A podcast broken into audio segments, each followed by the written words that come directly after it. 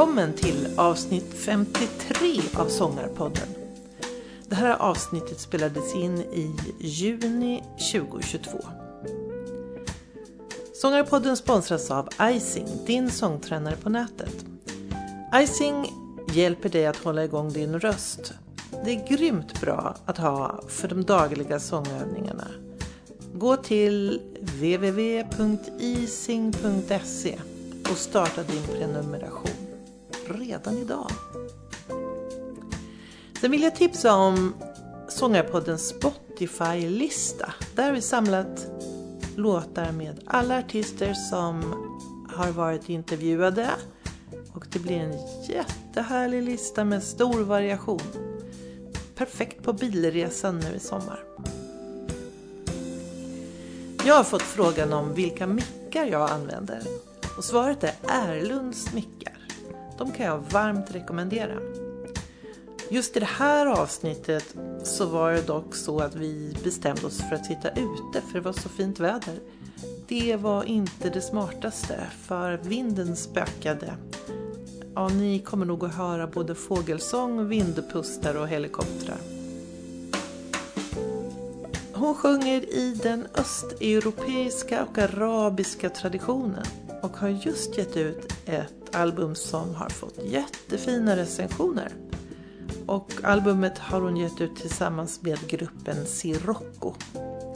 Vi väntar på Sofia Bergböm.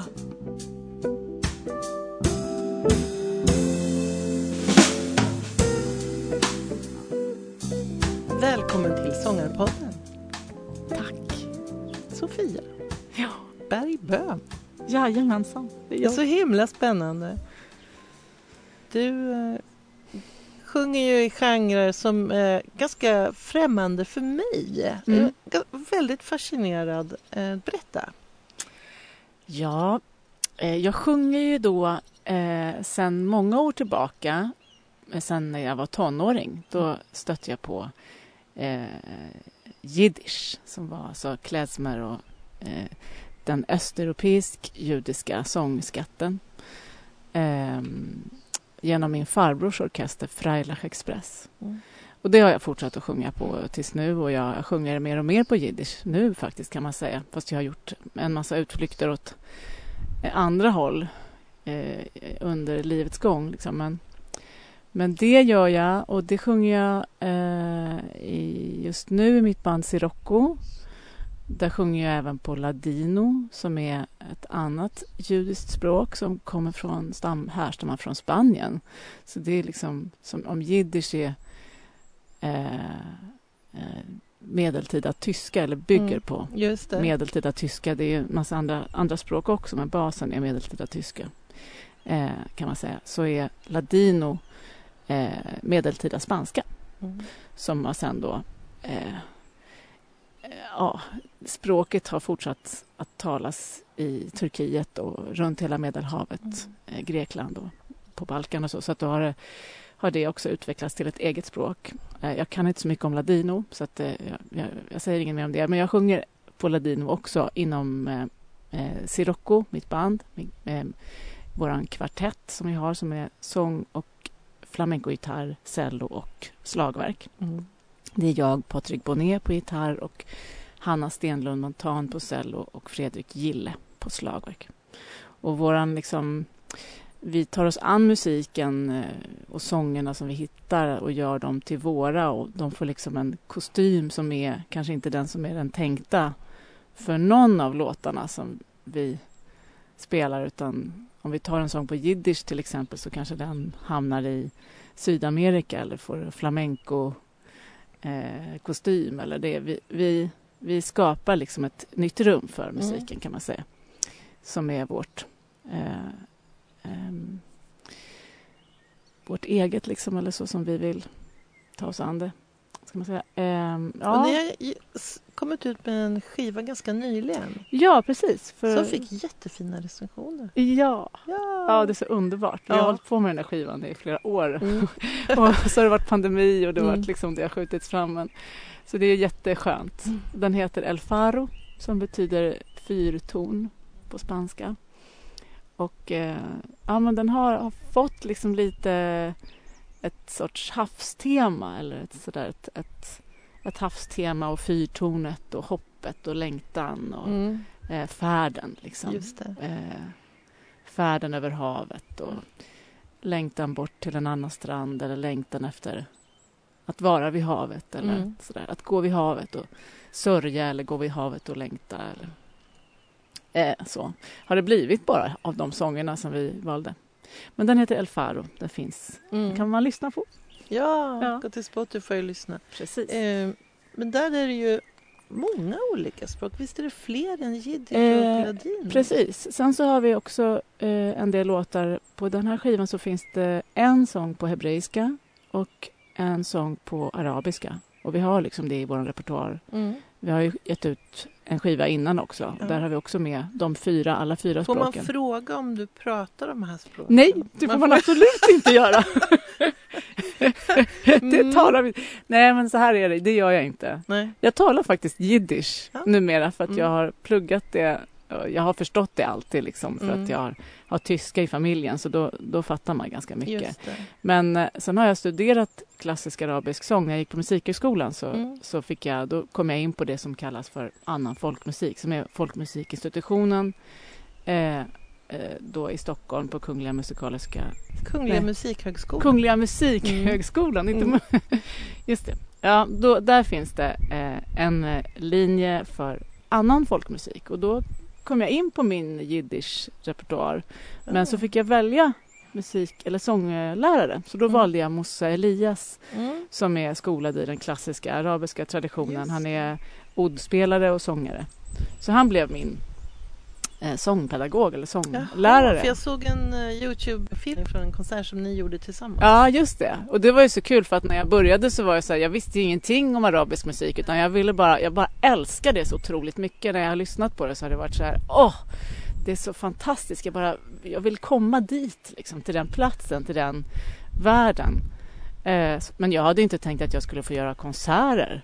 För det är så otroligt avancerat tonspråk och, och språk. Alltså språket i sig är ju också svår eh, eh, nått om man är om Mm. man har det, vårat språk. Vårat, Ja, för jag blev lite så här, undrade lite över det, för du Ja. har ju svenskklingande namn men Ja. du eh, sjunger på de här olika östeuropeiska Mm. språken och nu arabiska också. Svårt. Mm. Och sen är det ju inte nog med språket utan just tonerna. Mm. Att du har ju fler, alltså du har ju de här kvartstonerna som nästan är, ja, det är jättesvårt för oss vanliga dödliga att, Mm. att vi liksom hör, ja vi hör ju att det är fe, så här, säga fel, Mm. eller vad man nu ska säga. Mm. Det är någonting annat. Det är något annat. Men vi, Mm. jag kan ju inte sjunga på kvartstoner. Ja, men det är för att du inte har övat. Ja, okej, jag ska få öva. Du får genast börja öva. Mm.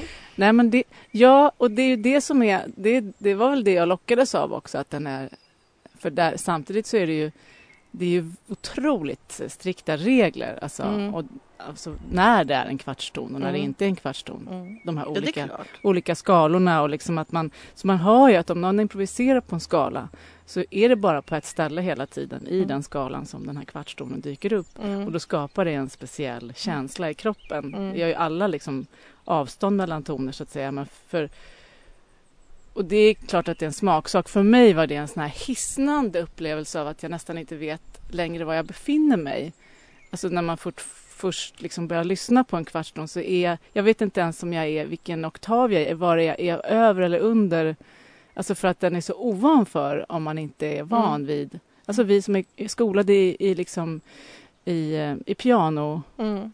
pianomusik helt enkelt Just och kör, alltså västerländsk eh, klassisk musik kan man ju säga då. För Mm. folkmusiken har ju också, alltså även svensk folkmusik har ju kvartstoner. Mm. Eh, ja, det finns det i många, alltså om man lyssnar på på riktig svensk, Mm. eller riktig, men liksom ja, på spelmän visste, och det visste inte jag. ja, jo då. Aha, jag lärde mig något nytt. Ja, och det har ju, har ju med fiolen att göra. Just där det. kan man ju liksom, det är som blues också. I Ja. blues så, så ligger man också mellan, Mm. liksom i, på tersen och sjuan. Då kan man liksom, instrument. ja man kan, ja eller man, man, så blå, Ja. Mm. Blue Notes. Men ja, ja. Så det... Men är inte det här intressant? Det här, vad är det som griper tag i en? Mm. För jag tänkte jag skulle fråga hur, hur intresset började. Men då var det en sorts gripa tag i dig ögonblick kan man säga. Ja. Mm. Ja, det var det. Var, det var det. Det var liksom att det var... Jag, jag kommer inte ihåg riktigt när jag liksom... Vad exakt det var. Det var väl någon skiva. Eh, typ eh, någon sån här samlingsskiva med kvinnor, arabiska Mm. sångerskor liksom som sjöng eh, eh, alltså typ Arabic Women eller det var någon här, bara någon sån här samlingsskiva med liksom de stora stjärnorna då eh, som sjöng liksom och hela den och då, då får man ju kliva rakt in i den traditionen Mm. ol- olika från olika årtionden och sådär eh, Ja, jag kommer inte ihåg vad den hette, den skivan. Men den, det var, den var den kanske Hur delvis i alla gammal var fall. du då? Nej, jag var gammal, alltså jag var vuxen. Jag var Mm. 25, kanske till och med Men hade mera. inte din farbror spelade klezmer? Jo, men nu pratar jag om den arabiska Den musiken. arabiska. Ja. Nej, alltså jag är ju uppvuxen i eh, en judisk familj och eh, så att jiddisch är ju liksom en... Mm. Det är ju en... Där är du hemma. Där, ja, det är ju Mm. som en sorts eh, bas eller vad Just ska man det. säga, rot eller ja, mitt arv liksom. Mm. Så. Så, att, eh, så det sjöng jag. sjöng på jiddisch i min tonår och sen Mm. också under, liksom, när jag gick på Teaterhögskolan sen då gick jag, för att jag är skådespelare också, så gick jag eh, den i Malmö och då hade jag också en klezmerorkester där och sen började jag sjunga i ett band som heter Östblocket som jag fortfarande sjunger i. Mm. Som är ett Balkan-brassband kallar vi oss för fast vi Mm. spelar egentligen väldigt mycket annat också. Men Mm. det är också ett världsmusikband. Mm. Eh, och det var väl kanske där som jag egentligen började min, min resa i att sjunga på andra språk förutom jiddisch. Mm. För innan hade jag bara sjungit på jiddisch. Liksom. Mm. Det var mitt så att säga konstiga språk då, om man ska kalla det för det. Men eller annorlunda i alla fall än svenska och engelska som alla andra sjunger på. Eh, men eh, nej, men då, då, där började jag sjunga också på romani för att det var ett, alltså för musiken i östblocket det är ett stort brassband. Vi är tio stycken och det är två trumpeter, två eh, tromboner, bastuba, dragspel, fiol, slagverk och trumset. Mm. Eh, och vi har haft saxofon också, så det har varit ett tryck. Liksom. Det, har varit, eh, det, är ett, det, är riktig, det, det är en riktig fest. Det är Mm. ett festband. Just det. Det är, liksom, det är ös. Mm. Vi spelar på mycket bröllop och festivaler. Och, Mm. ehm, och det är ehm, liksom i, i den traditionen som finns på Balkan. Brassband, alltså så, de banden som finns med i eh, Senarnas tid eh, Mm. Just och så vidare, de filmerna. Liksom det, det var ett gäng killar som gick på Musikhögskolan som, som hade sett den filmen tror jag. Aha, och så bara, nu måste vi också "Ah, vi starta ett sånt här göra så." band. Och så, så att eh, därför så blev det, jag började ju sjunga med dem, då sjöng jag på jiddisch. Så att, eh, alltså klezmerlåtar, det är också festmusik. Så de, de musikstilarna, liksom den den romsk-balkanska Mm. eh, musiken och klezmermusiken, de ligger väldigt nära varandra. Ofta om man har en Balkanorkester så spelar man också klezmerlåtar eller tvärtom. Eh, så, och, så, så var det också för oss. Då, då. Mm. Det här var ju då på eh, när jag var i 20-årsåldern, på ni- 97, 96 eller eh, 97 började jag sjunga med Ja. dem. Och då började jag sjunga på romani också. De, Mm. De liksom stora hitsen som finns på Balkan. Mm. Eh, och det är ju alltså... Ja, det, det är det här med språket Mm. liksom, som, är, som lockar mig. Jag, det har jag inte alls varit beredd på att det skulle vara så eftersom jag är skådis. Så egentligen så är det på något sätt lite... Eh, jag, jag är ju van att uttrycka mig så att folk förstår på den delen av mig. Liksom. Men att det är någonting med att att nå fram till en musikstil via språket. Liksom. Eh, och, och eh, inte bara själva musikstilen utan också röstkvaliteten. Allting, eh, man får hjälp av språket. Just det. Liksom. Så att eh, när jag sjöng på ja, men när jag började sjunga på romani och sen då eh, så småningom också på arabiska. Så precis. Så var det en, eh, en, liksom en nyckel in, Mm. en liten bit in i alla fall i, Ja. i musikstilen. Mm. Ja, spännande. Jag Mm. själv har ju sjungit mycket på portugisiska, alltså brasiliansk portugisiska och det är ju helt fantastiskt med deras diftonger och eh, rundade vokaler. Jättespännande, jättehärligt språk att sjunga på. Det har jag aldrig sjungit på Ja, men faktiskt. det, ja, då får du lära dig. Ja, det får jag. Mm. Mm. Vad kul att höra. Ja. Mm. Jag berättade ju om Mossa, Mossa Elias som jag var min lärare då eh, på Musikhögskolan som, som eh, jag började sjunga med och som introducerade mig till Um Kulsum som är då Mellanösterns svar på, ja, vem ska man ta? Jag vet inte, Maria Callas eller Madonna Mm. eller. Elvis Presley, alltså någon Mm. fixstjärna. Hon var liksom Egyptens eh, ja, men stora nationalskatt. så här, enormt stor stjärna i hela Mellanöstern. Mm.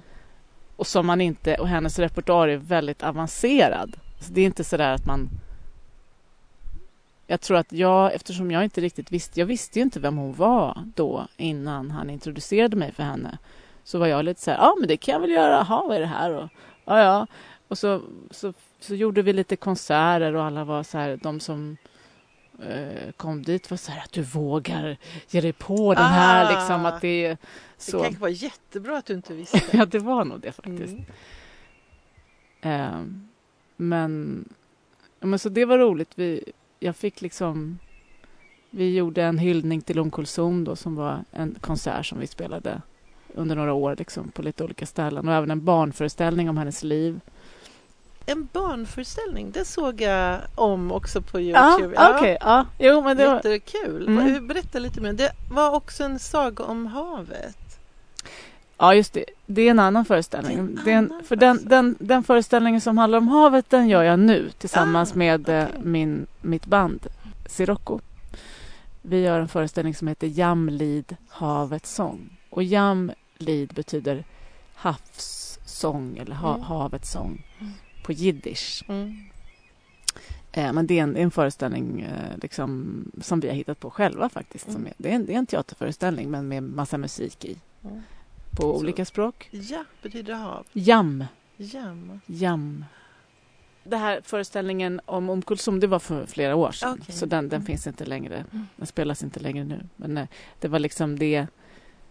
Jag har fortsatt att sjunga på arabiska helt enkelt. Mm. Sen jag gick på Musikhögskolan. Då, det här är för... Eh, Men är, det, du måste ju vara lite ovanlig överhuvudtaget. Ja, jag är ju jätte, uppenbarligen jättekonstig. En udda figur.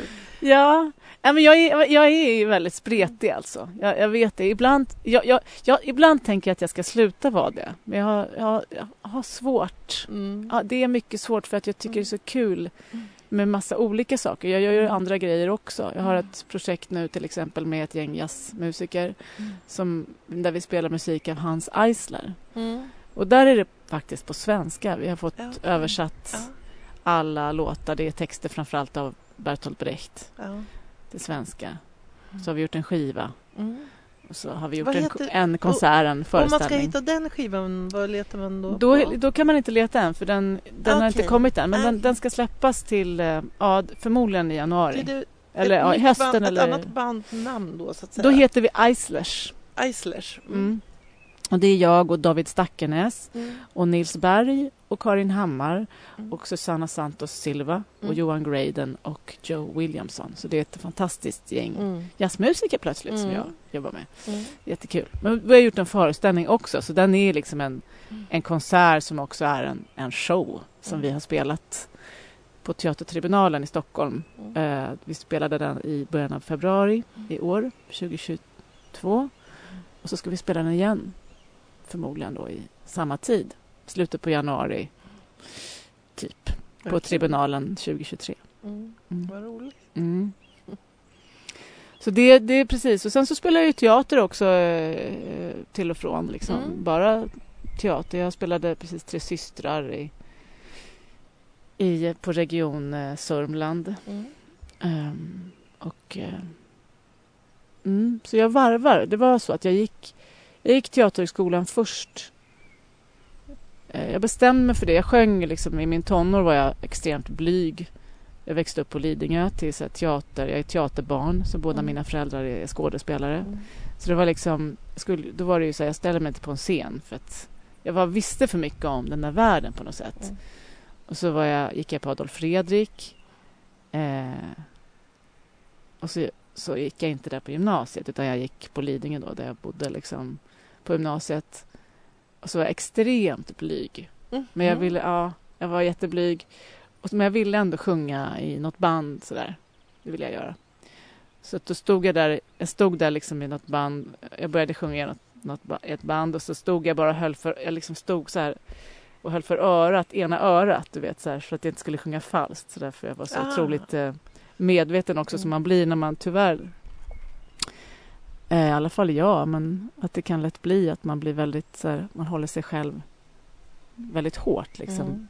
Eh, eh, när man sjunger i kör och man, man blir lärd liksom, att hålla sig inom ramen för körklangen och att det ska vara rent, att det ska vara... Det är inte så mycket utrymme för liksom, personliga utflykter eller liksom lite wow! Alltså, alltså, ja, så att man blir mm. ganska...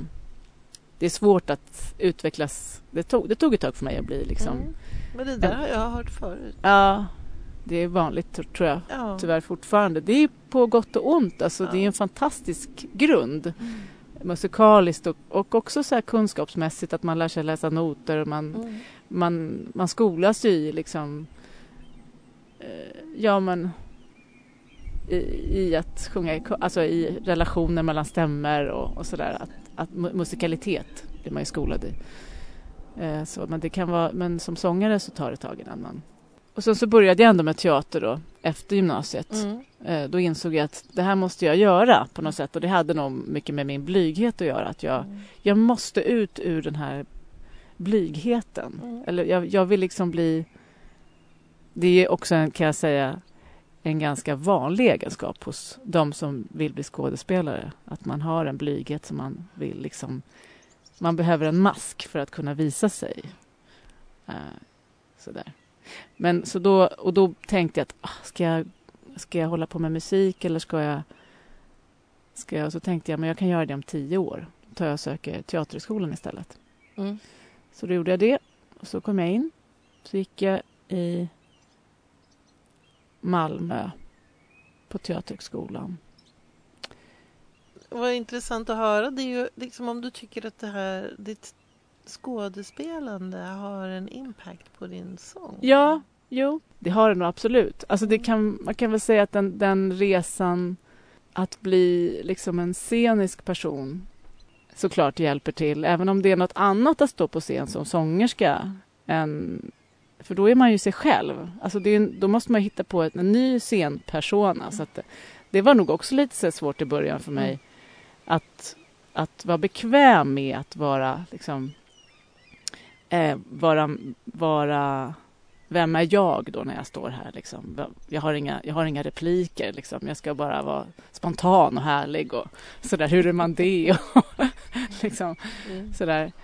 Rent eh, så här med mellansnack och sånt har jag, har liksom, jag har fått kämpa lite med. Men eh, nu är det ju, går det ju bra. Liksom. Alltså, eller det har ju alltid gått bra. Det är ju mer en inre känsla tror jag. Hur man... Tror jag kanske mer än en yttre. Men nej, men som jag tror, alltså man tänker rent så här, eh, jag har ju alltid, i och med att jag började med skådespeleri tidigt, så höll jag också på mycket med teknik.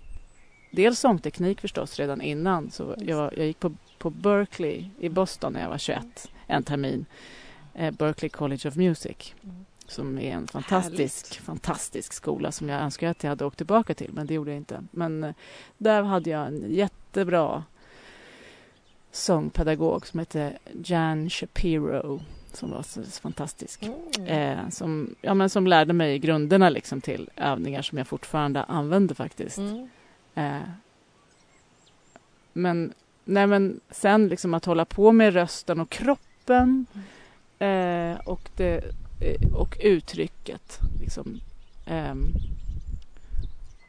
ja, men text, textbehandling, text, alltså tydlighet och eh, som man gör när man är skådespelare. Det är klart att jag har jättemycket användning för det. det. För det, det slås i alla fall jag av då när jag lyssnar på dig att det är ju, även om man inte förstår texten för att du sjunger på jiddisch eller något annat språk så känns det att det är en mycket berättande musikgenre. Det är historier som sjungs fram. Precis, ja, men texten, är, texten är ju jätteviktig för mig. Dels både när jag väljer låtar och när jag, när jag sjunger dem liksom, så, är det, så är de viktiga. Mm. Även om, och, och kanske särskilt om inte publiken förstår dem. Mm. För då behöver man ju förmedla känslan av mm. innehållet i texterna. Du är jättebra på det. Ja, kul. Nej, men det, det är väl en utmaning, liksom. Mm. nästan omöjlig utmaning. Men det är väldigt roligt när man hör att när någon säger att det funkar. För att, eh, att det når fram, att man blir berörd. Att det, det, det är också en, lite... Så är det ju ofta när jag sjunger liksom på, för en svensk publik eller liksom en publik som inte förstår språket jag sjunger. Så, så finns det en, en liten spegelvänd känsla som, är, som är ännu mer magisk eller magisk på ett helt annat sätt. Som när jag sjunger på arabiska för en arabisktalande publik. Då gör jag det ofta tillsammans med mina mm, liksom, ja, mina musikerkompisar som kan den traditionen, som kan sångerna, som förstår texterna. Och jag förstår ju också texterna på det sättet att jag vet vad de Just betyder. Det. Jag har tagit reda på det, men jag måste ju titta. Jag har aldrig papper annars, men mm. bara när jag sjunger på arabiska så måste jag ha det för att eh, eftersom det, det, det, är ett så pass annorlunda språk för mig så jag kan inte liksom... Är det romani eller, eller liksom franska eller mm. alltså, något annat språk jag inte kan så är det fortfarande ett, eh, eh ett språk som är uppbyggt på samma sätt som mm. svenska. Så det, det, finns en orientering där som jag kan mm. göra som gör att jag lär mig texterna då och mm. minns just det, det ja, i alla fall, så i alla fall för att komma till sak. Nej, men det är väldigt, väldigt häftig känsla när jag förmedlar en känsla via ett språk jag inte talar mm. till en publik som talar det språket. Ja, det och upplever den känslan som jag förmedlar till dem och de också kan sångerna. Det, mm. det blir liksom en sorts väldigt mäktig bro mm. eh, som också de här, eh, mina musiker, medmusiker då, som jag har jobbat med eh, eh, Ferhat Fadal Hussein som spelar slagverk och eh, Feraz Sharestan och Musa Elias då när vi har spelat. Eh, de liksom bär ju mig in i den traditionen också mm. med sitt spel för de kan precis. Mm. Eh, så då, det är också en sorts eh, guide hela tiden mm. eh, in i den musiken som är så pass svår. Så att, ehm, det är en väldigt häftig upplevelse. Det är roligt att göra saker som man inte riktigt kan också, mm. om man inte ställer för höga krav på sig själv. Liksom. Eh, om man vet om man kan... Så här, en, det är en utmaning. Det är roligt med ja, den utmaningen i alla fall. En sak som jag har tänkt på det är att låtarna som ni gör är både ganska nya men också väldigt gamla. Mm. Just det. Och någonstans på där Youtube så såg jag att du sjöng en låt som det står så här, är tusen år gammal. Mm. Vart jag ju lite nyfiken, hur vet man hur den melodin går? Men det är kanske texten som är så gammal? Ja, ja. jo det finns en, en uh, dikt och sångskatt ja. mm. från Al-Andalus, alltså från mm. då, dåvarande, det som var det arabiska riket liksom, i Spanien. På, ja, ja, mm, just det. det var ju flera hundra år som södra Spanien var eller ja, delar av, jag kan inte det där exakt, men det var en stor, flera hundra år som det var en del av det arabisk, arabiska riket. Liksom, Precis, de morerna som... Moren, ja, suck. ja, just det, 1492 där kom Ferdinand. Ja, jag har varit där och tittat på ja. Alhambra, det är ju fantastiskt. Ja. Jättefint. Kul. Eh, nej men, eh, så då finns det en, det finns ju massa bevarat. Det är ju liksom den arabiska guldåldern kallas den för. Det finns poesi och musik och arkitektur och mm. häftig, massa häftig historia. Men den, den, den, eh, det finns ett, ett gäng dikter och också tror jag faktiskt melodier och rytmer mm. som är bevarade från den tiden. Mm. Mycket tror jag tack vare att det eh, eller tack vare vet jag inte i och för sig, men det har ju inte varit uh, så... så mycket som har varit nerskrivet tror jag, att det har gått i, i arv i, i musikaliska traditioner, liksom, Ja. från, från, från lärling till lärling. Mm. Eh. Sen så är det klart att det säkert inte låter exakt som det gjorde då, men jag tror att det i stor, ganska stor utsträckning det är en tradition, en musikalisk tradition som har varit intakt. Liksom. Det är ju en sång på den här skivan och en sång på, på vår förra också, som båda är i den traditionen. Från eh, då tusen år gamla arabiska dikter. Det Den är som vi- helt fantastiskt. Ja, Det vore ju jättespännande att höra den här arabiska låten. ja.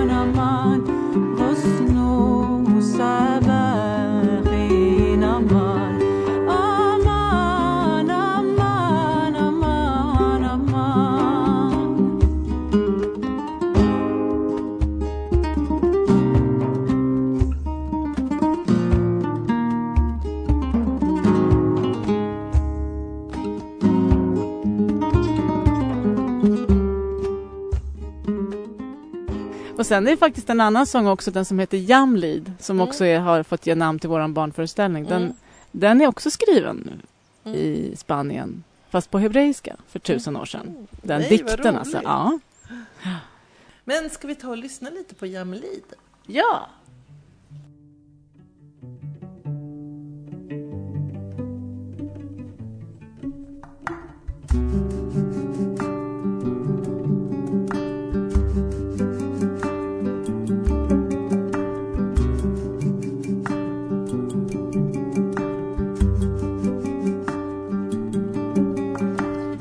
Hab vergessen alle Liebste, hab verlost mein eigen Haus, hab dem Jam sich abgegeben, trog mich Jam zu Mutters Scheus.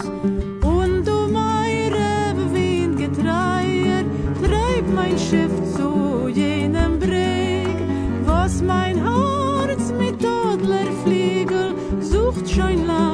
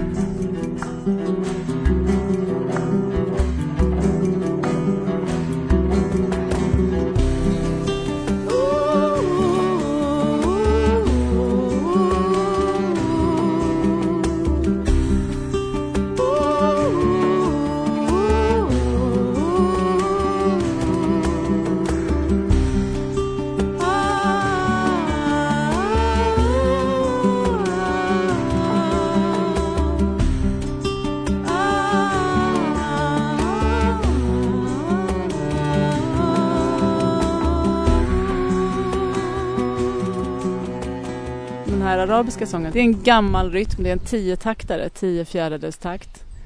Eh, sen har vi ju gjort om den, alltså gjort om den har vi inte gjort, men vi har, vi har bäddat in den i en, en flamenco eh, stil. Men det är fortfarande den tio, Mm. tiotakten. Men, eh, Hur tas det emot då? När ni moder... Eller som... ja, när vi gör om det sådär. Ja. Nej, det är ingen som har reagerat öppet i alla fall. Jag vet inte. nej, ja, nej. Alltså jag... Jag tror inte att det. Jag vet inte faktiskt. Lemma bäda jättatänna heter den sången. Eh, som handlar om någon som vickar på höfterna så vackert så att den som ser det blir liksom... Ja, blir, ja, blir helt... Eh, ja, den, den, den, den vet inte... Ja, den är, den är en slav. Den blir en slav under denna skönhet som den här personen ja, visar. Ja, den här, de här vickande höfterna helt enkelt. Det är så otroligt vackert så att det är, skönheten blir kungen över allt. det är fint! Shakira. Ja, ja, det är Shakira som, som har liksom fast för tusen år sedan. Det kan ju ha varit en man också, man vet inte. Det är också det som är roligt att det är inte... Kan det ha varit? Det är, det är häftigt. Det, alltså det är ju häftigt att det är liksom ett sån, en sån ögonblicksbild Mm, som har, med texten, att den har varit kvar så länge. Mm. Men också, jo det var det, det var det som var din fråga. Om folk blir provocerade av det. Eller Mm. någon sk- skulle kunna bli provocerad av vi- att vi gör om det så mycket då. Som vi har gjort. Eh, och det tror jag inte, jag vet inte såklart. Eh, men eh, jag tänker att en sån låt som har funnits så länge, den görs på väldigt många olika sätt. Mm. Sen finns det ju ett traditionellt sätt att göra den på. Som är det oftast man gör. Liksom. Mm. Det, det, den är ju jättefin på det sättet. Verkligen. Men det är Mm. mer att vi tycker det är kul att göra någonting annorlunda. Liksom. Av, Förut så pratade du lite om det här med röst, alltså röstvård eller röstutveckling. mm. Eh, och att du hade varit rätt, eh, liksom, nördat in dig på det helt enkelt. Ja, Du har varit riktigt intresserad. ja nej, men precis. Det har ju varit eh, hela livet. Men Ja. i, i, i vissa perioder så har jag också... Jag tyckte det var så kul att lyssna på din podd. För att Mm. det, eh, det finns många kloka människor som säger kloka saker om, om det. Eh, men att, eh, att jag liksom har ehm, under perioder kanske slarvat en del med sång, uppvärmning och sådär inför Mm. gig. Att man, det är också ett sätt, det är väldigt mycket psykologi kring det där. Hur man, hur man kan slappna av. Liksom att det ibland, beroende på vad man är i för form också, kan vara bättre att strunta i att värma upp eller så här, eller att, eh, att eh, ja, och sen så och, och, men oftast inte. Är det ju så va. Eh, men sen så, så hade jag, och det är också apropå det, den här eh, appen som, som, Ja, det, du, ja, som du har utvecklat. Så jag lyssnade också på det här samtalet som du hade med den här andra eh, Vocalize. Just Jätte- det, Ester. Ja, jättespännande program som, ja, som verkligen... Ja, men att det, det är ju någonting med de här äh, digitala hjälpmedlen som är väldigt, väldigt bra. Eh, om man är, för det är någonting med... med alltså, jag, jag har ju lärt mig jättemycket av sångpedagoger naturligtvis, men att öva själv, liksom, då hamnar man på en helt annan... Om man hittar sätt att öva själv så hittar man ju nya sätt att göra det. Dels kan man ju träna mycket som helst utan att det kostar något. Bara det är ju Mm. väldigt skönt. Men att också med avspänningen, för det är så otroligt intimt och så otroligt eh, outgrundligt. Det finns så många delar liksom av avspänning och av ehm, placering som är lite så här mystiska och som man måste upptäcka själv. Alltså så här ehm, från att liksom eh, jag menar, eh, jag kunde liksom få sån här hjälp sån här som att någon sa till mig att slappna av i lillfingret liksom, om jag stod och sjöng på Teaterhögskolan till exempel. Och då var det en jättebra hjälp för mig. Liksom. Mm. Just det, jag spänner mig på ett ställe. Mm. Alltså, då i min ungdom. Liksom, att det hjälpte mig. Men det är också väldigt eh, flummigt. Alltså, Det är Mm. inte så... Eh, ehm, eller så här, öppna munnen som en krokodil. Liksom. Alltså, att man skulle på något sätt då öppna i Mhm. det övre Mm. munvalvet. Liksom, att det hjälper för inandningen. Alltså, Mm. Men att sångteknik i sig ofta har varit ganska mystisk och det. liksom outgrundlig. Och så fick jag tag på en, en det var ingen app men det var en, en, liksom en, en kurs som man kunde köpa helt enkelt Mm. på nätet. Som jag tyckte eh, verkade jättemysko och kostade massa pengar och jag var väldigt fientligt inställd till en Mm. början. det här var för några år sedan. Men så, så tänkte jag så här, nej, men jag testar det. Mm. För då var, då var det en teknik som handlade väldigt mycket om att sluta lyssna eh, och börja känna istället. Känna Mm. efter hur det känns. Mm. Eh, och eh, jag har liksom... Eh, jag tror att jag kanske mer än andra har... Mer än andra, men att jag, jag märker att jag ofta spänner mig. Mm. Eller har spänt mig. Mm. Liksom spänner, eh, att jag behöver hjälp med att hitta en avspänning. Ja. Och det handlar inte bara om egentligen om kroppen utan kanske också om en sorts prestation eller att man, att man om man är stressad till exempel och ska gå upp på scenen att man behöver behöver ju tekniska hjälpmedel som ofta en uppvärmning är om man kan göra den i lugn och ro. Mm. Men det är inte säkert att man hinner det. Nej. Och då behöver man ju ha eh, såklart då övat kontinuerligt för att hit, lätt hitta tillbaka till de nycklarna. Liksom. Att det. det här och det här gör jag och då, då åker magen, Mm. slappnar man av, jag slappnar i magen, jag hittar liksom struphuvudet på rätt plats, jag hittar Mm. liksom rätt, eh, liksom så lite kraft som möjligt. Alltså Mm. helt enkelt alla de små nycklarna liksom. Och det tycker jag har, jag har inte skolat mig klassiskt, alltså jag har gått lite, på lite olika ställen, olika Mm. eh, utbildningar och, när jag gick musikhögskolan så hade jag ju egentligen mest fokus på att lära mig en tradition mer än en teknik. Eh, så att jag har inte haft liksom, jag har lite plockat lite olika kunskaper både från teaterträningen men också från yoga. Mm. Och, och så här, jag håller på mycket med yoga och, och med andningen att, eh, att, eh, att andning och avspänning Mm. eh, som, eh, som jag tycker är, är mycket av nycklarna. Liksom. Jag tycker att det är så spännande att hålla på med sångträning för jag upptäcker nya saker hela tiden Ja. och att det liksom blir eh, det blir mer och mer roligt faktiskt. Det var det jag berättade för dig innan också, kanske jag kan berätta. Nej, men att jag, eh, det här har inte heller med saken att göra riktigt men ja, eh, apropå att jag är spretig så får man kanske lite nu kommer det olika saker hela tiden. Men när jag födde barn så snöade jag också in på det här med andningen just och avspänningen. Att jag, jag såg det liksom, jag var ganska gammal när jag fick mitt barn så att jag, jag ville verkligen försöka föda utan bedövning för att jag vet att det kan ta längre tid och det kan vara svårare. Att Mm. jag, så, att, eh, så då började jag studera en teknik som heter föda utan rädsla som jag tror egentligen är den det är liksom den typen som nu de flesta håller på med. Det är inte, Mm. det, förut så var det den här äh, Just det. den äh, andningen, Mm. men nu är det mer att man... Alltså, det är dels tankens kraft, att man tänker smärtan som någonting som man säger ja till istället för Mm. nej. Okej. Eh, Alltså rent psykologiskt, att man tar emot den som ett ja i kroppen, en öppning. Och sen att man, man slappnar av i alla magmunnar, både i, så här, i munnen och i, och i de här inre munnarna på något sätt som ska öppna sig för barnet. Liksom.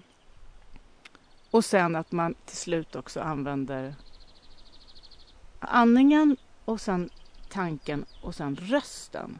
Så att man väl när man har andats in då, släppt ner allting, så hjälper man till genom en låg ton och liksom sjunger ut, man hjälper liksom kroppen att öppna sig. Så Mm. man sjunger en låg ton. Eh, istället för att stänga kroppen och sjunga "Ah!" eller, eller Mm, skrika bara. det. Så att, att det blir att man, att man öppnar kroppen ah, så att det blir Mm. ah, att man släpper ut. eh, Mm. Och, då, Gjorde du det och det då? gjorde jag faktiskt. Ja. Det var jättehäftigt. Det var ju asjobbigt såklart. Det kommer att vara men- jättemånga som säger Åh, kan hon säga? Ja. Ja, ja men sådär att, Ja, fast jag menar det var ju ingen vacker sång. Alltså, det var ju Nej, inte något, nej. utan det var ju bara ett... Men att jag försökte hålla den här låga tonen. Mm. Alltså så att jag hjälpte... Ha, att jag hjälpte Just det. ner kroppen. Och sen så var det ju ändå att när, när jag åkte upp på smärthöjden så åkte ju rösten upp en Mm. oktav. Men den var fortfarande inte ah, utan det var Mm. liksom... Ah, alltså... Ah, Just Och det. det blev ändå en, liksom en... Ja, eh, typ så. ja, Så att, att, den, att den ändå var en hjälp ja. och en sorts, ett stöd mot smärtan, en sorts att, Mm. eh, ackompanjemang mot... För För det jag hjäl- jag, eh, efter när det, blir, när det blir för kraftiga verker så hjälper det inte bara att andas, för mig i alla fall. Så det var coolt. Det var en, en... Verkligen. Aldrig hört talas om. Sjunga sig igenom sin förlossning. Ja. My God. ja. Ehm. Mm. Nej men... eh, Är det någonting som folk gör? Alltså, finns det en sån metod? ja, Eller var det ja, så att precis. du tänkte att nu, det här ska jag göra? Nej, nej, absolut inte. Utan det Det här där- är en det bok. var- det är en ja. bok som heter Föda utan rädsla. Okej. Jag kommer tyvärr inte ihåg eh, författarinnan Mm, nu. Men, jag känner igen Ja. den titeln. ja, och det är också en, en sån här profylax, heter det. Profylaxteknik. ja, ja. Som används väldigt Mm. mycket nu för tiden. Om jag har förstått saken rätt. Av de eh, som jag känner som har fött på senare tid. Så Mm. har många nämnt den boken. Ehm, så det, det är häftigt vad man kan, hur man kan hjälpa kroppen liksom, Just det. på det sättet.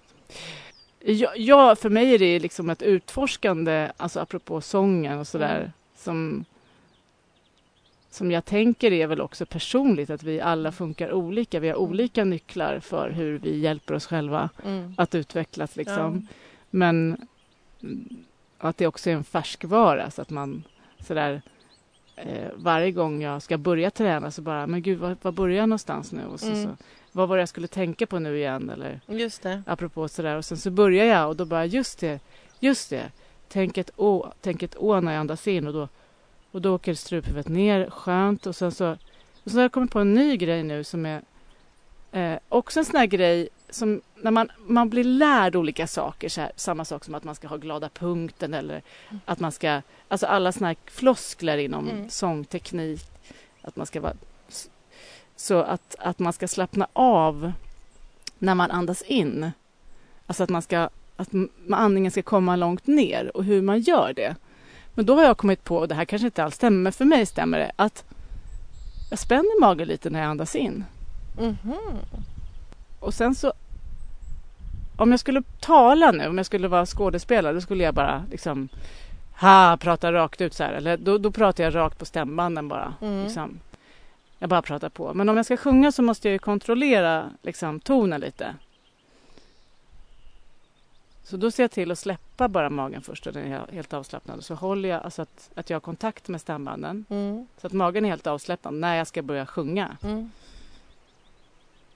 Ah, och då har jag liksom så att magen är avslappnad medan jag sjunger. Mm. För mig är det så en ny grej. Mm.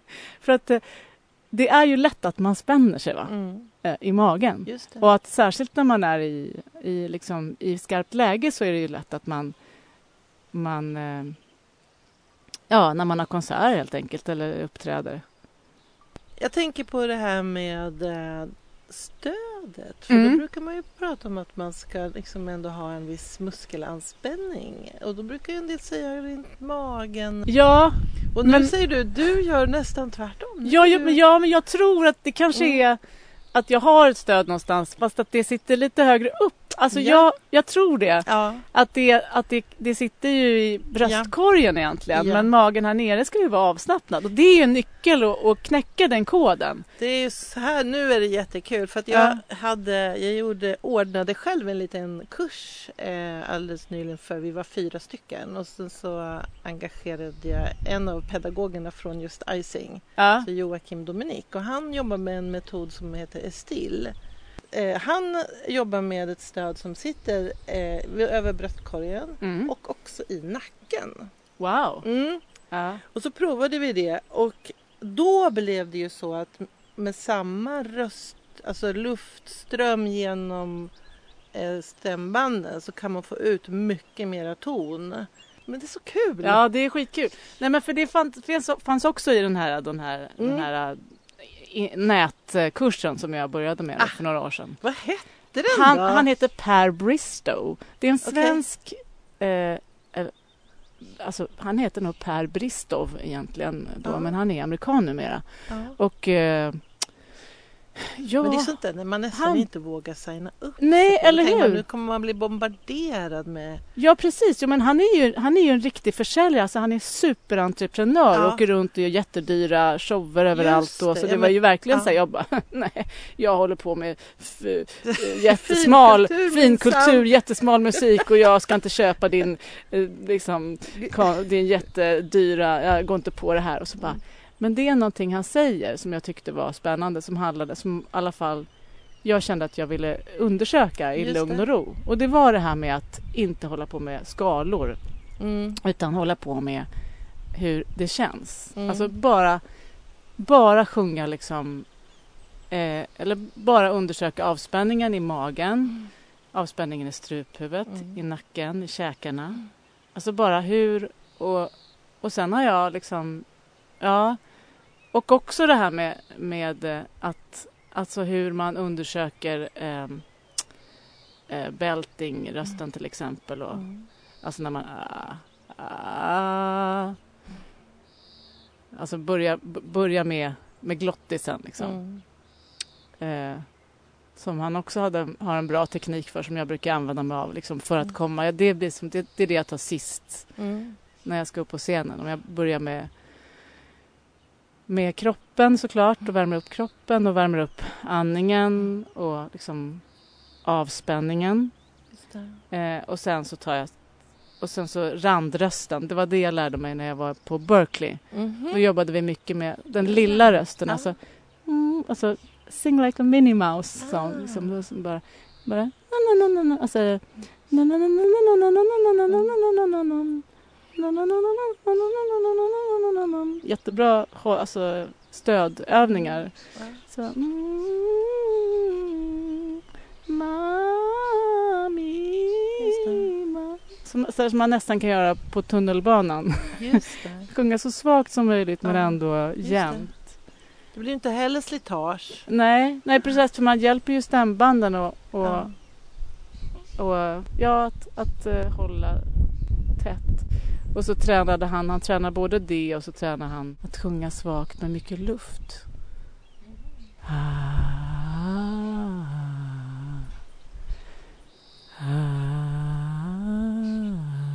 Och så försöka hålla stäv, struphuvudet lågt. Och så. Men jag tänker så här, om man ehm, är sångare och så här, blir man ändå lite intresserad av att utforska det här. Vad tycker du att man ska göra? Ska man... Eh, man kan uppenbarligen då signa upp sig för den här Mm. onlinekursen då. Mm, det, är, det för dig? det funkade för mig. Ja. Jag brukar ju tycka att man ska nog kosta på sig att gå till en sångpedagog lite då och då. Men pedagoger är ju också väldigt olika. Mm. Så att, och, jag, och någonstans är det också det här att man är liksom mottaglig för olika saker tycker jag, olika skeden. Mm. Och nu när vi hade den här workshopen med Jocke Dominik, då var jag precis, det var exakt rätt tid för mig att höra det där. Eh, hade det varit några år tidigare så kanske det hade varit, liksom jag var inte riktigt redo för att hålla på med det. Exakt, det handlar ju Så- så mycket om det Ja. också, vad man är i för fas i Mm. livet. Men absolut, man ska ju gå till sångpedagoger såklart, men kanske lite olika. Ehm, Ja, för, det. för det är ju också så att varje pedagog har ju sin teknik och sin Mm. smak och sin... Man behöver ju olika nycklar Mm. och vissa nycklar kan, det, det, de är individuella för varje Mm. person. Liksom. Min första sångpedagog som jag gick, gick hos, henne hade jag i några år. Liksom, det var på hela gymnasiet Mm. eh, fram till att jag var 19, kanske 20. Så att, ehm, det är klart att man, man utvecklas ju eh, hos en person också. Mm. Men eh, för mig har det nog varit, alltså, och är en sorts hela tiden att saker i, hakar i varandra Ja. och, att, att, och att det är en färskvara alltså, på ett sätt. Så klart, så är klart att det är, det är det inte bara för att det är det är en färskvara när man att hålla på. Sen så kan man lätt tappa det liksom, och så kakar man upp om man inte övat på ett tag och Mm. börjar om så har man ju kvar en massa kunskaper som åker upp till ytan. Så, så, är det, så det är det. Så att, men att man bygger på hela tiden sin, sitt förråd av olika impulser och också lär sig kanske det beror ju på lite vem man, vilken sort man är, men jag är ganska sådär lydig. Så att om Mm. någon säger så här att eh, du måste göra så, så kanske jag gör så eh, i tre år tills jag förstår att jag kan prova att göra tvärtom och så bara ja, eller göra något annat. Ja, att, man, att det mm. kanske på det sättet är bra också att testa olika tekniker och undersöka saker själv. Mm. För det är det som har varit skönt för mig när jag har gjort de här övningarna, eh, Per Bristows övningar, att jag vet ju inte om jag gör rätt. Han har ju aldrig hört mig sjunga. jag har bara lyssnat på hans inspelade grejer liksom. Och så har jag tolkat dem på mitt sätt. Mm. Och de har hjälpt mig, tycker jag. Eh, att, det, att det är också ett sätt att man själv bestämmer vad som är bra för mig. För att i en situation där man är hos en pedagog eller en auktoritet liksom, så är det lätt att man kanske tappar sig själv lite. Att man slutar lyssna på eller att det är svårt att säga men det här tyckte jag kändes bra men då nej, hörde du nu, nu blev det mycket bättre när du gjorde sådär eller att man, Just du vet det. att man kanske kan man behöver också det där egna rummet Mm. för att det är så känsligt Mm. med rösten liksom. Det är ens egen röst. Absolut. Ehm, att man...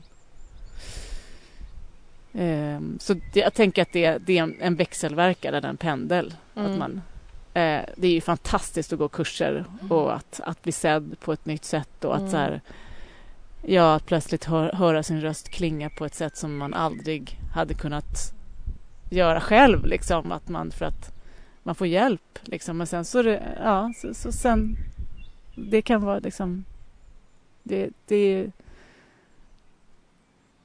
och så, så kommer man hem och så bara, fan, nu gjorde jag nu igen. Och så blir man, det gick inte, det går inte att återskapa.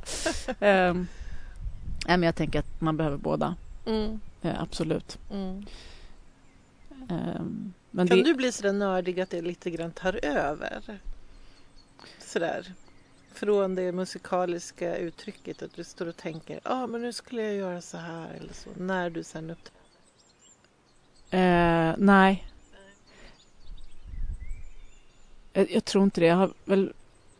Det, jag, jag kan inte tänka. Jag har försökt någon gång att tänka på teknik Mm. när jag står på scenen. Men... ehm, så det är klart att jag i vissa, kanske, vissa moment kan Mm. tänka nästa ton blir låg, liksom, om Ja. den är hög.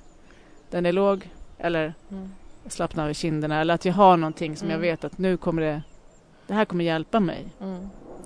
Men inte Nej, Nej, en- tekniken är separat och sen är det det musikaliska. Ja, och att det liksom är att jag har övat innan. Och Just det. sen, är det, sen är det ju, man får ju jättemycket hjälp av kroppen och Mm. texten när man Mm. står på scenen. Just det. Alltså när man, om man menar någonting och visar det med hela kroppen, Mm. då kommer ju rösten med. Alltså Just följer det. ju... Ehm, så det är också ett sätt att när man väl står där och vill någonting med någon, med publiken, vill säga någonting, då är det ju det som det handlar om. Liksom. Och med musiken, att man musicerar, att man inte tänker på hur man låter för att man musicerar med sina kamrater. Liksom att man är i, i bitet och i, i svänget och i, i liksom mm, dynamiken och eh, att, ja, då, ja, Mm. det är något annat liksom. Jag gissade att det var så. Mm. Jag tänkte, det kan kanske lätt bli så att, jag menar jag kan tänka mig att man, det är intressant och bra med röstteknik men att det kan bli ett eget, som ett spår som leder bort från det som egentligen är det här, det som musiken är. ja, Ehm, och som ju måste gå före. Vi pratade ju lite innan också om att röster kan låta väldigt olika och det är så kul. mm. Och, och någonstans så här vikten av att liksom, ja, vilken, röst, vilken röst är min röst och hur vill jag låta? Och sen är det det oavsett vad kanske någon annan säger eller tycker att det här, så här, det här är mitt. Mm. Har du olika ideal? För, beroende på, du har ju de här olika liksom, genrerna kan man säga. De är ju nära varandra men ändå. Eh, kanske... Mm. Alltså jag tror att mitt ideal, eller det som... Det är nog någon sorts så här 40-tals eh, jazz... Ja, jag tänkte nästan komma till det för att jag hörde på Youtube då igen. Eller 40-tal, men... eh, Så var det ju, du, eh, nu ska jag säga, Tomorrow is another day. Ja, Tom Morrison då. Du Ja. sjöng så himla fint. Tack. Då tänkte jag också så här 40-tal kanske. Ja, nej men alltså jazz. Det är ju, ja, det är ju Mm. en sån gammal eh, eh, Al Jolson låt. Så den är nog ännu äldre då än 40-tal tror jag. Okej. Men, eh, men ja, precis. Men alltså där, den här gamla Mm. Ella Fitzgerald, eh, Mm. alltså, eller Barbara Streisand har jag lyssnat jättemycket på. det är ju inte okej. 40-tal, men det är ju liksom ändå en sorts... Eh, mm, ja, vilka mer? Ja, men de gamla, Billie Holiday. ah, Ah, vilka är det liksom? Ja, ja, ja eh, den här eh, musikalen Sound of Music. Också sån här, sån här ikonisk liksom, status mm. i min... Så här, mitt barn upptäckt eller musikuppvaknande, eh, vad man ska säga. Men de här sångerna. Nej men ja, så jag tror att det då egentligen är det som är mitt ideal. Jag, jag har inte, när jag lyssnar på andra jiddisch-artister så har jag inte riktigt låtit mig så här... Eh, där, den, den stilen, eller det finns ju många stilar såklart, men en sorts folklig stil, där har jag inte riktigt fastnat utan jag har mera velat kanske gå mot ett, ja, mot något eget egentligen. Men Mm vet inte, jag har sjungit mycket jazz förut också. Mm. Sen har jag liksom prioriterat bort det, framförallt eftersom en, sen jag fick barn så har jag liksom Mm. inte riktigt haft tid. Men jag sjöng en del sådär, ute på stan. Ja, i hotellbarer och i restauranger. Det är jätteunderbart. Mm. Det är underbart kul. Sen så är det klart, när jag sjunger på arabiska, då är det ju eh, Om Kulsum och Fairuz. Mm. Det är en annan sån superstjärna. Det finns så många fantastiska sångerskor som sjunger i orientalisk tradition, inte bara arabisk tradition utan även persisk och kurdisk. Jag har lyssnat mycket på kurdisk, Mm. en kurdisk sångerska som heter Ainur. Mm. Eh, Men hela den, det finns enormt skickliga sångerskor helt enkelt Mm. i, eh, i Mellanöstern. Alltså Mm. Turkiet, Libanon, Egypten. Mm.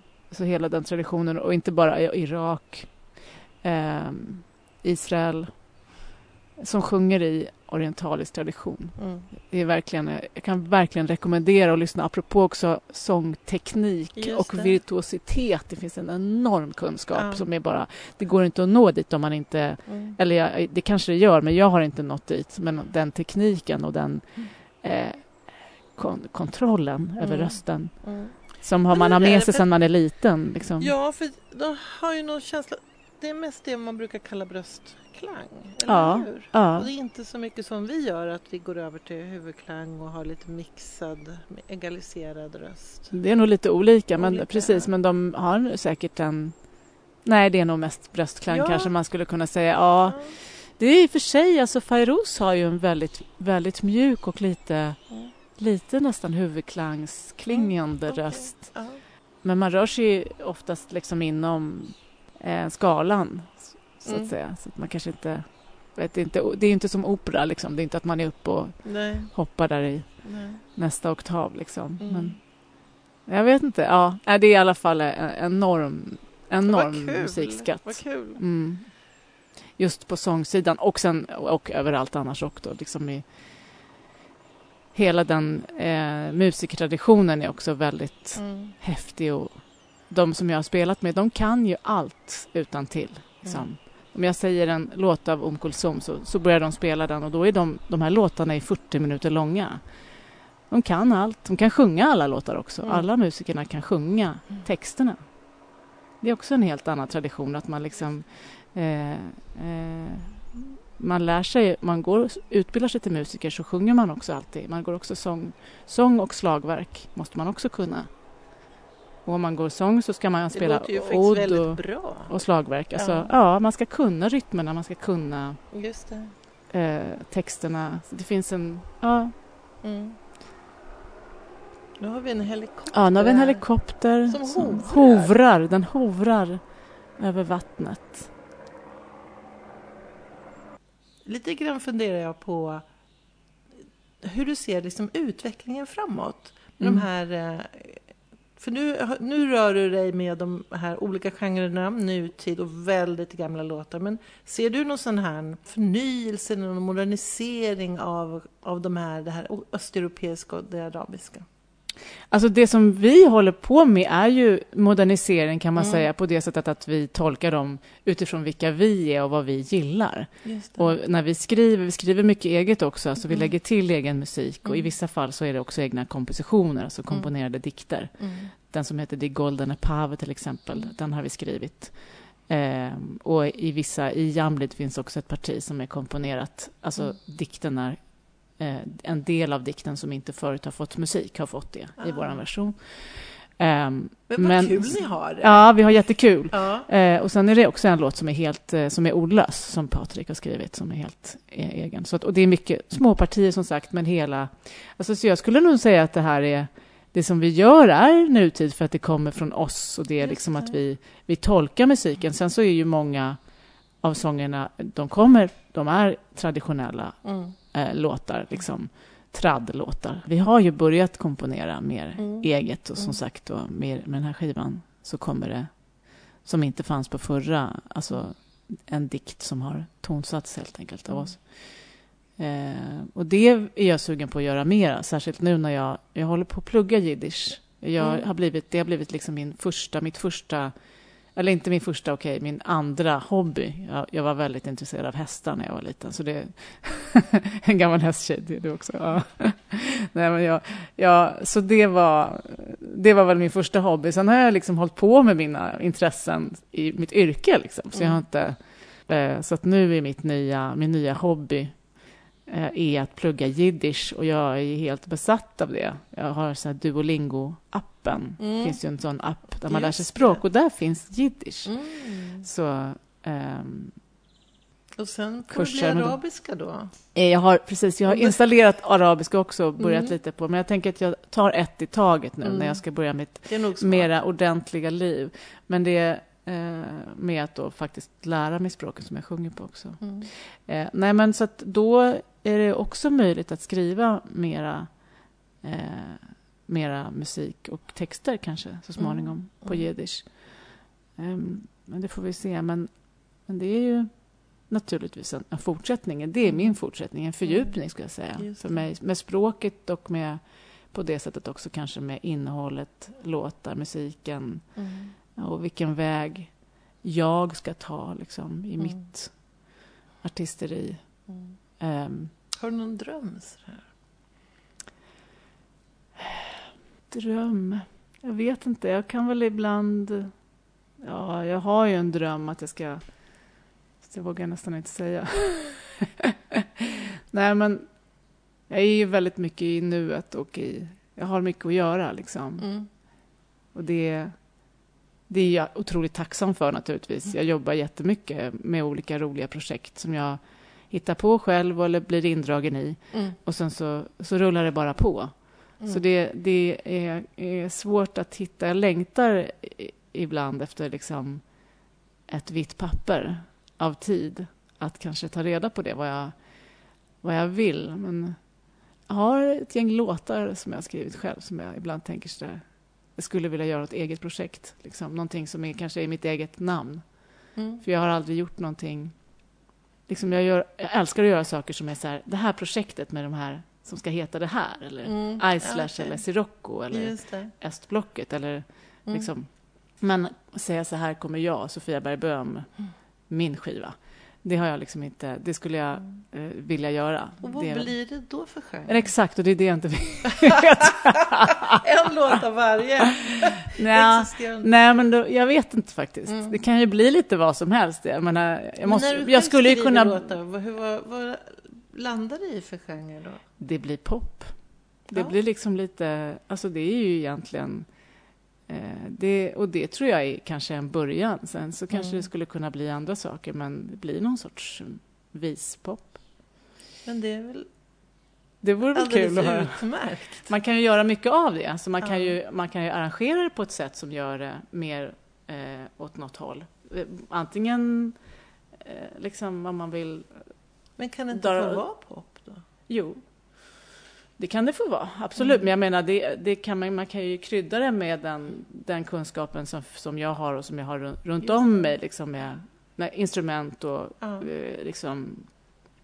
ehm, hur man arrar musiken helt enkelt. Mm. I, man kan lägga till en odd eller en Mm. ja, slagverk som inte kanske brukar vara med.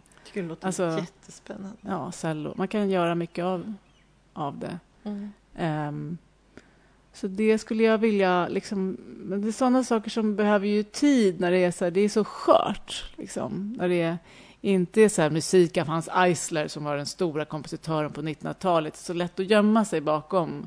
Eh, Eller gömma sig ska jag inte säga, för det, för mig känns det ju angeläget. Jag vill ju liksom. Mm. Det är inte, men eh, jag tror att det är jag har svårt att motivera mig att ställa mig själv i centrum Mm.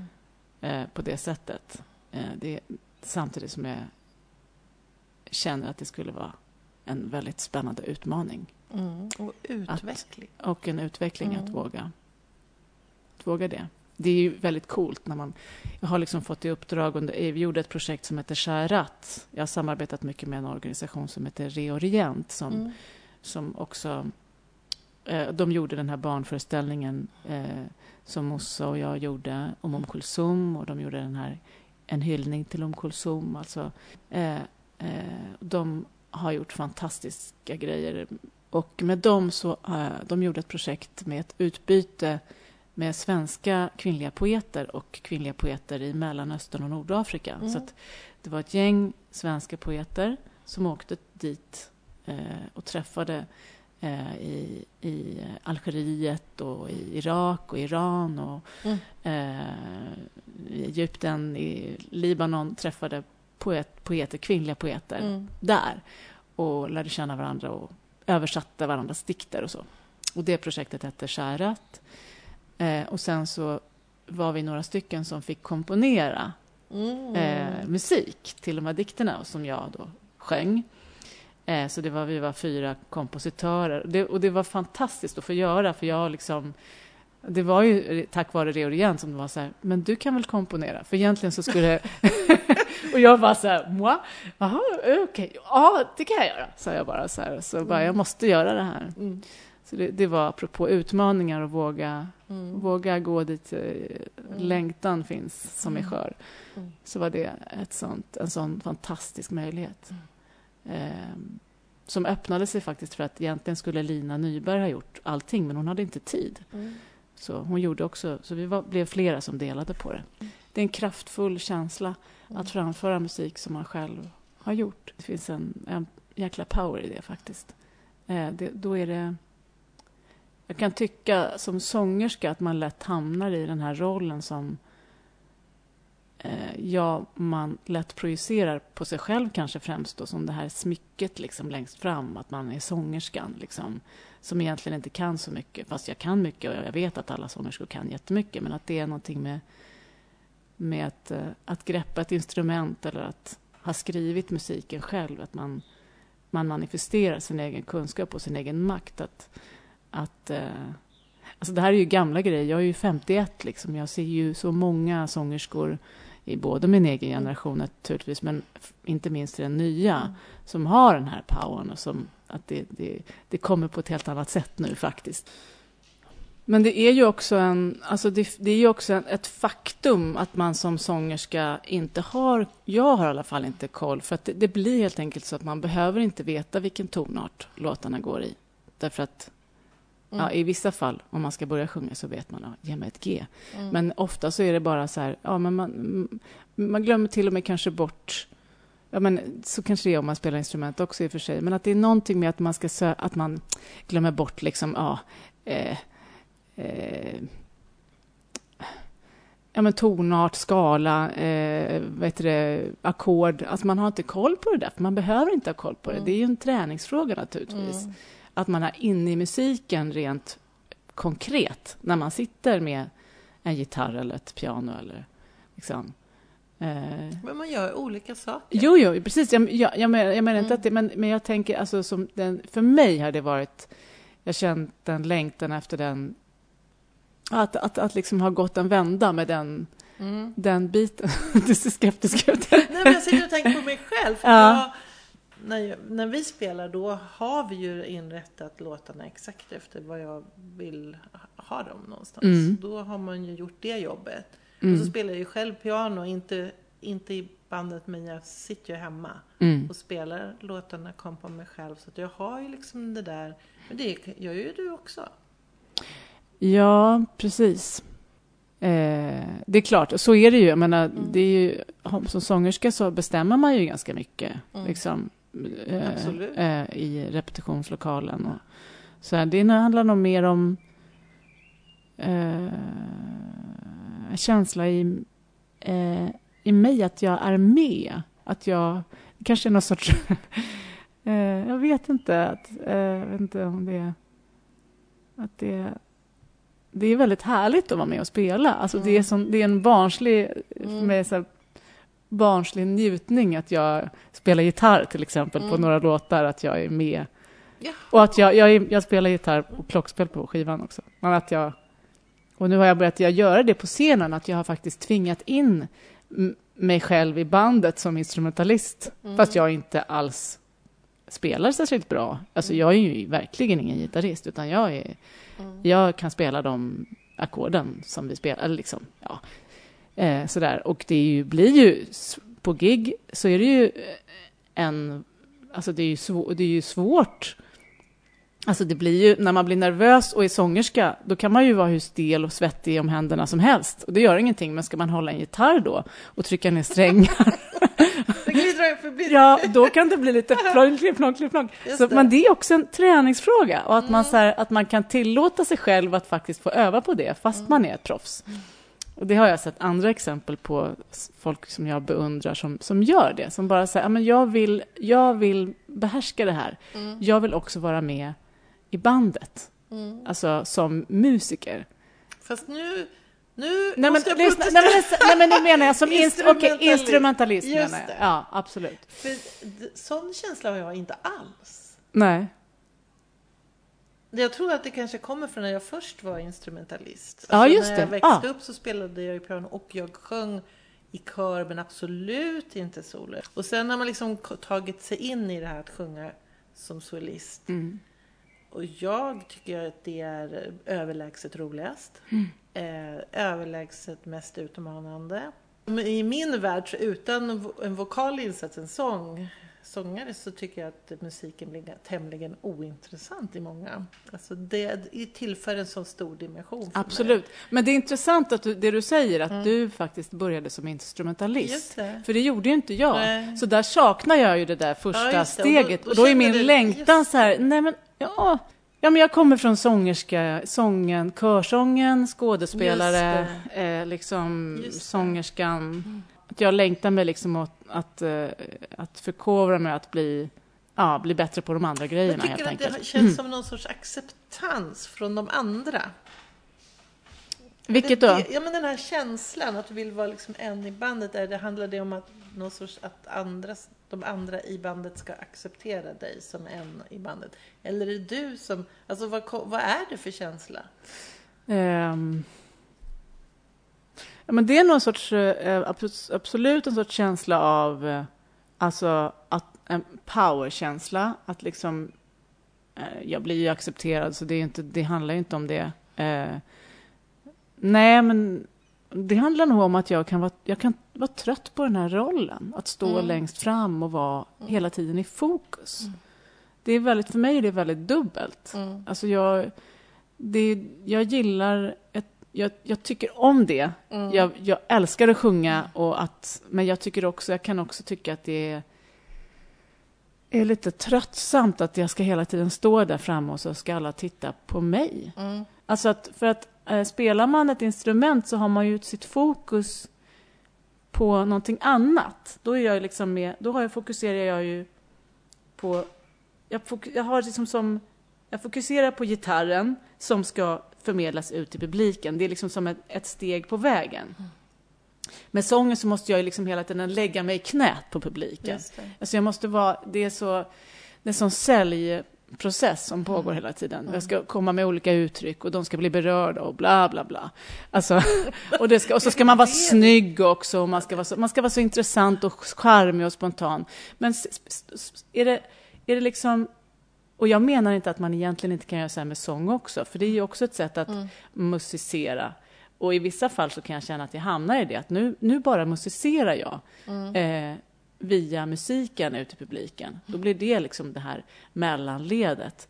Men om man har ett instrument, det är lite som när man, har jag gjort en gång, spelat dockteater. Det är otroligt häftigt.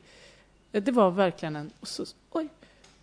Det var en liten hundtass där under, som- under bordet. Nej, men eh, att man fl- förflyttar fokus från sig själv till en docka Just som, som liksom tittar åt olika håll och den pratar och den sätter sig ner och så funderar den lite. Den har liksom en... Och jag bara betraktar den, men det är ju jag som gör den. Jag skapar den här... Liksom, Vad intressant. Eh, Ja, att det, är något, det har med koncentrationspunkt kallas det för inom Mm. teater, skådespeleri. Att man, ehm, man är en del av någonting större. Och det där är svårt. Det är en svår, svårt att hitta den koncentrationspunkten upplever jag som sångerska för att man, det är en sån impact att vara i det där fokuset, i den här eh, rollen som den här potentiellt spännande eller inte så spännande centralfiguren. Ja, jätteroligt.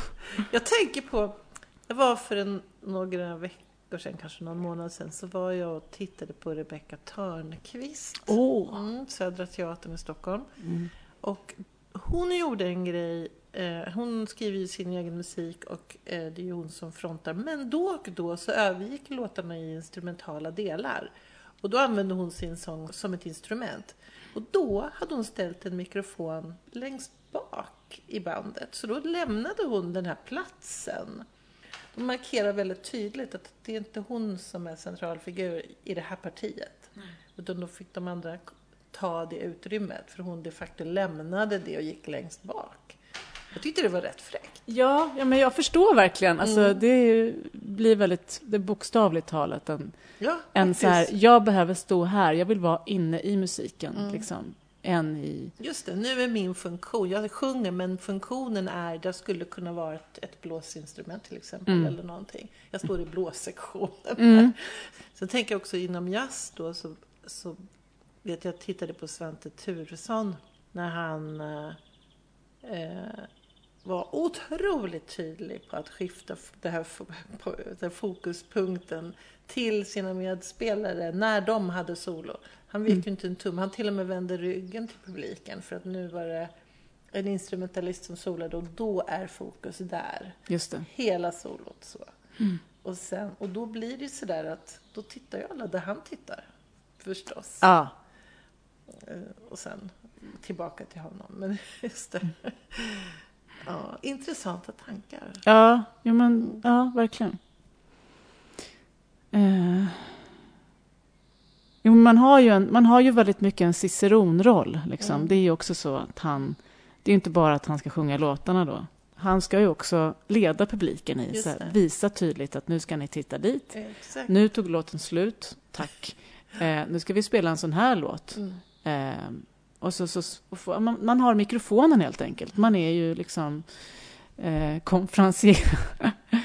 eh, det, och den rollen, det, det blir ganska många lager av roller som sångare som, som, som kan distrahera en från att vara en del av musiken. Att Hur pass stor del...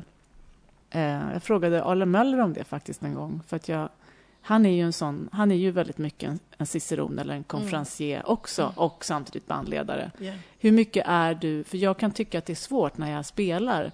Det, det är en svår balansgång. Hur mycket ska jag vara med mina musiker och hur mycket ska jag vara med publiken? Liksom. Och då sa han att han är ungefär hälften hälften kan man säga. Mm. Eh, jag tror att det var det han svarade på det.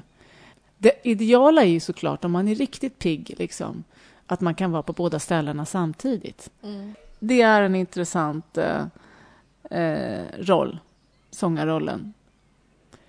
eh, apropå det här med sångerskan och blomman eller smycket, Mm. att det också blir som jag har fastnat i, jag menar i 180 om man skulle känna för att googla mig eller titta på bilder så har jag alltid liksom, eh, jag menar jag gör ju det, jag vill göra mig fin. Mm. Jag sätter en blomma i håret, smycken, jag sminkar mig, jag ser till att ha fina kläder. Jag vill bjuda, jag vill, man vill bjuda på den här Ja. grejen. Men det kan också bli lite tröttsamt. Eh, eh, eh, för att om jag, mina kollegor, liksom manliga kollegor, eh, framför allt då, de sätter ju bara på sig en skjorta och kammar sig och så går de in på scenen. Mm.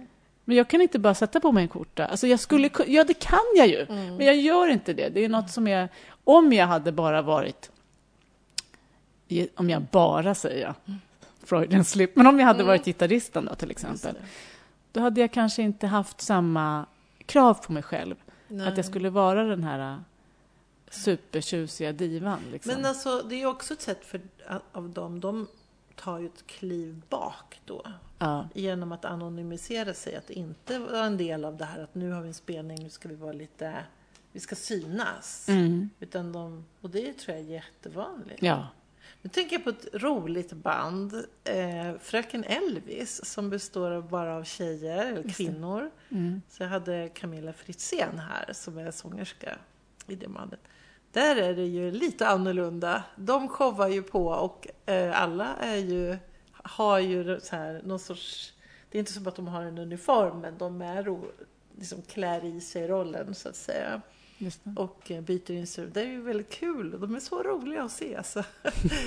Jag tycker att det är kul när det är mycket färg eller liksom att det är, är stort sceniskt. Jag tycker det är kul när det, när det blir liksom Alltså, eh, spännande färger och glitter, Ja. att det ska vara liksom att det är bjussigt, att man Mm, gör sig exakt. fin. Liksom. Mm. Så det handlar ju också om det. Det är ju inte, det är, det är inte bara en fåfänga.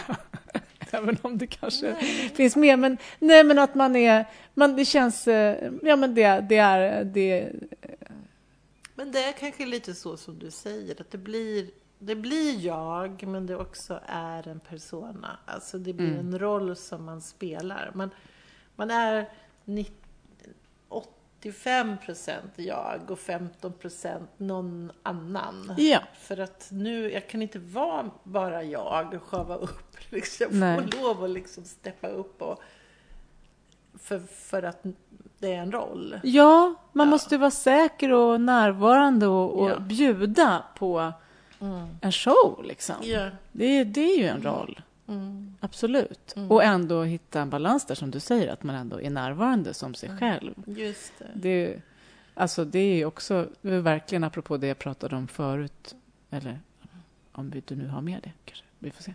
Men, nej, men att eh, hur man hittar sin, sin liksom sceniska persona, eller Mm. liksom den där, det är ju, tycker jag tar, tog lång tid för mig i alla fall, Mm. innan jag kunde liksom, eftersom jag också var blyg och var van att liksom gömma mig bakom roller som Mm. skådespelare, men som sångerska har man ju bara ett gäng låtar och ett Mm. band som sitter och skruvar på sina instrument emellan låtarna. Och, och så märker man att gud, var, vart tog showen vägen? Liksom. Jag måste säga någonting här och så bara, ja hej, eh, mår ni bra? Nej, gud, det kan jag inte säga. Eh, va? Eller vad ska man säga liksom? Att det uppstår olika luckor där det ska ske spontana härliga grejer. Just det. Så får man lära sig på vägen hur det går till. Ja. Jag var på um, Konserthuset nyligen och såg en fadosångerska som heter Maritza. Mm. Och det var ju både så här eh, fantastisk musik men också väldigt häftigt visuellt.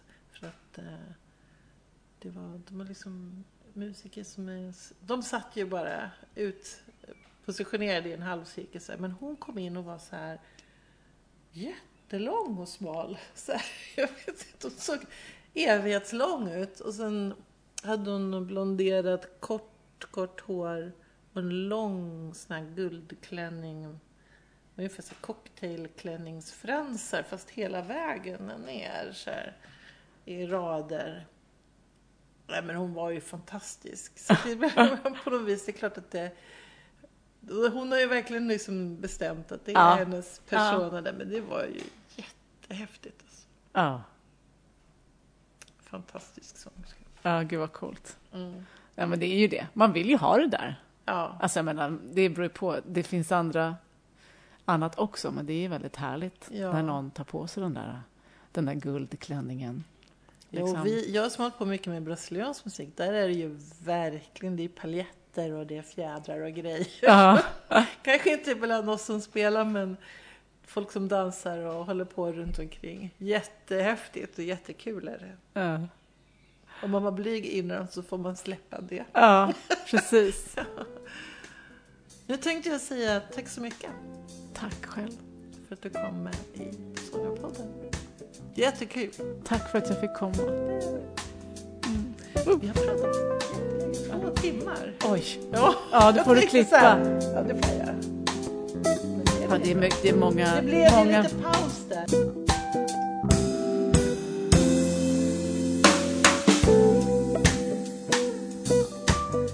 Du har lyssnat på Sångarpodden. Och vill du ha mer information eller få länkar till artister med mera så gå då till våran egen webbplats www.sangarpodden.se Du som är sångare och tycker att det är svårt att hålla igång din sångröst Kolla in Icing, din sångtränare på nätet. Gå in på www.icing.se ising.se så får du veta mera. Vi hörs! Thank you.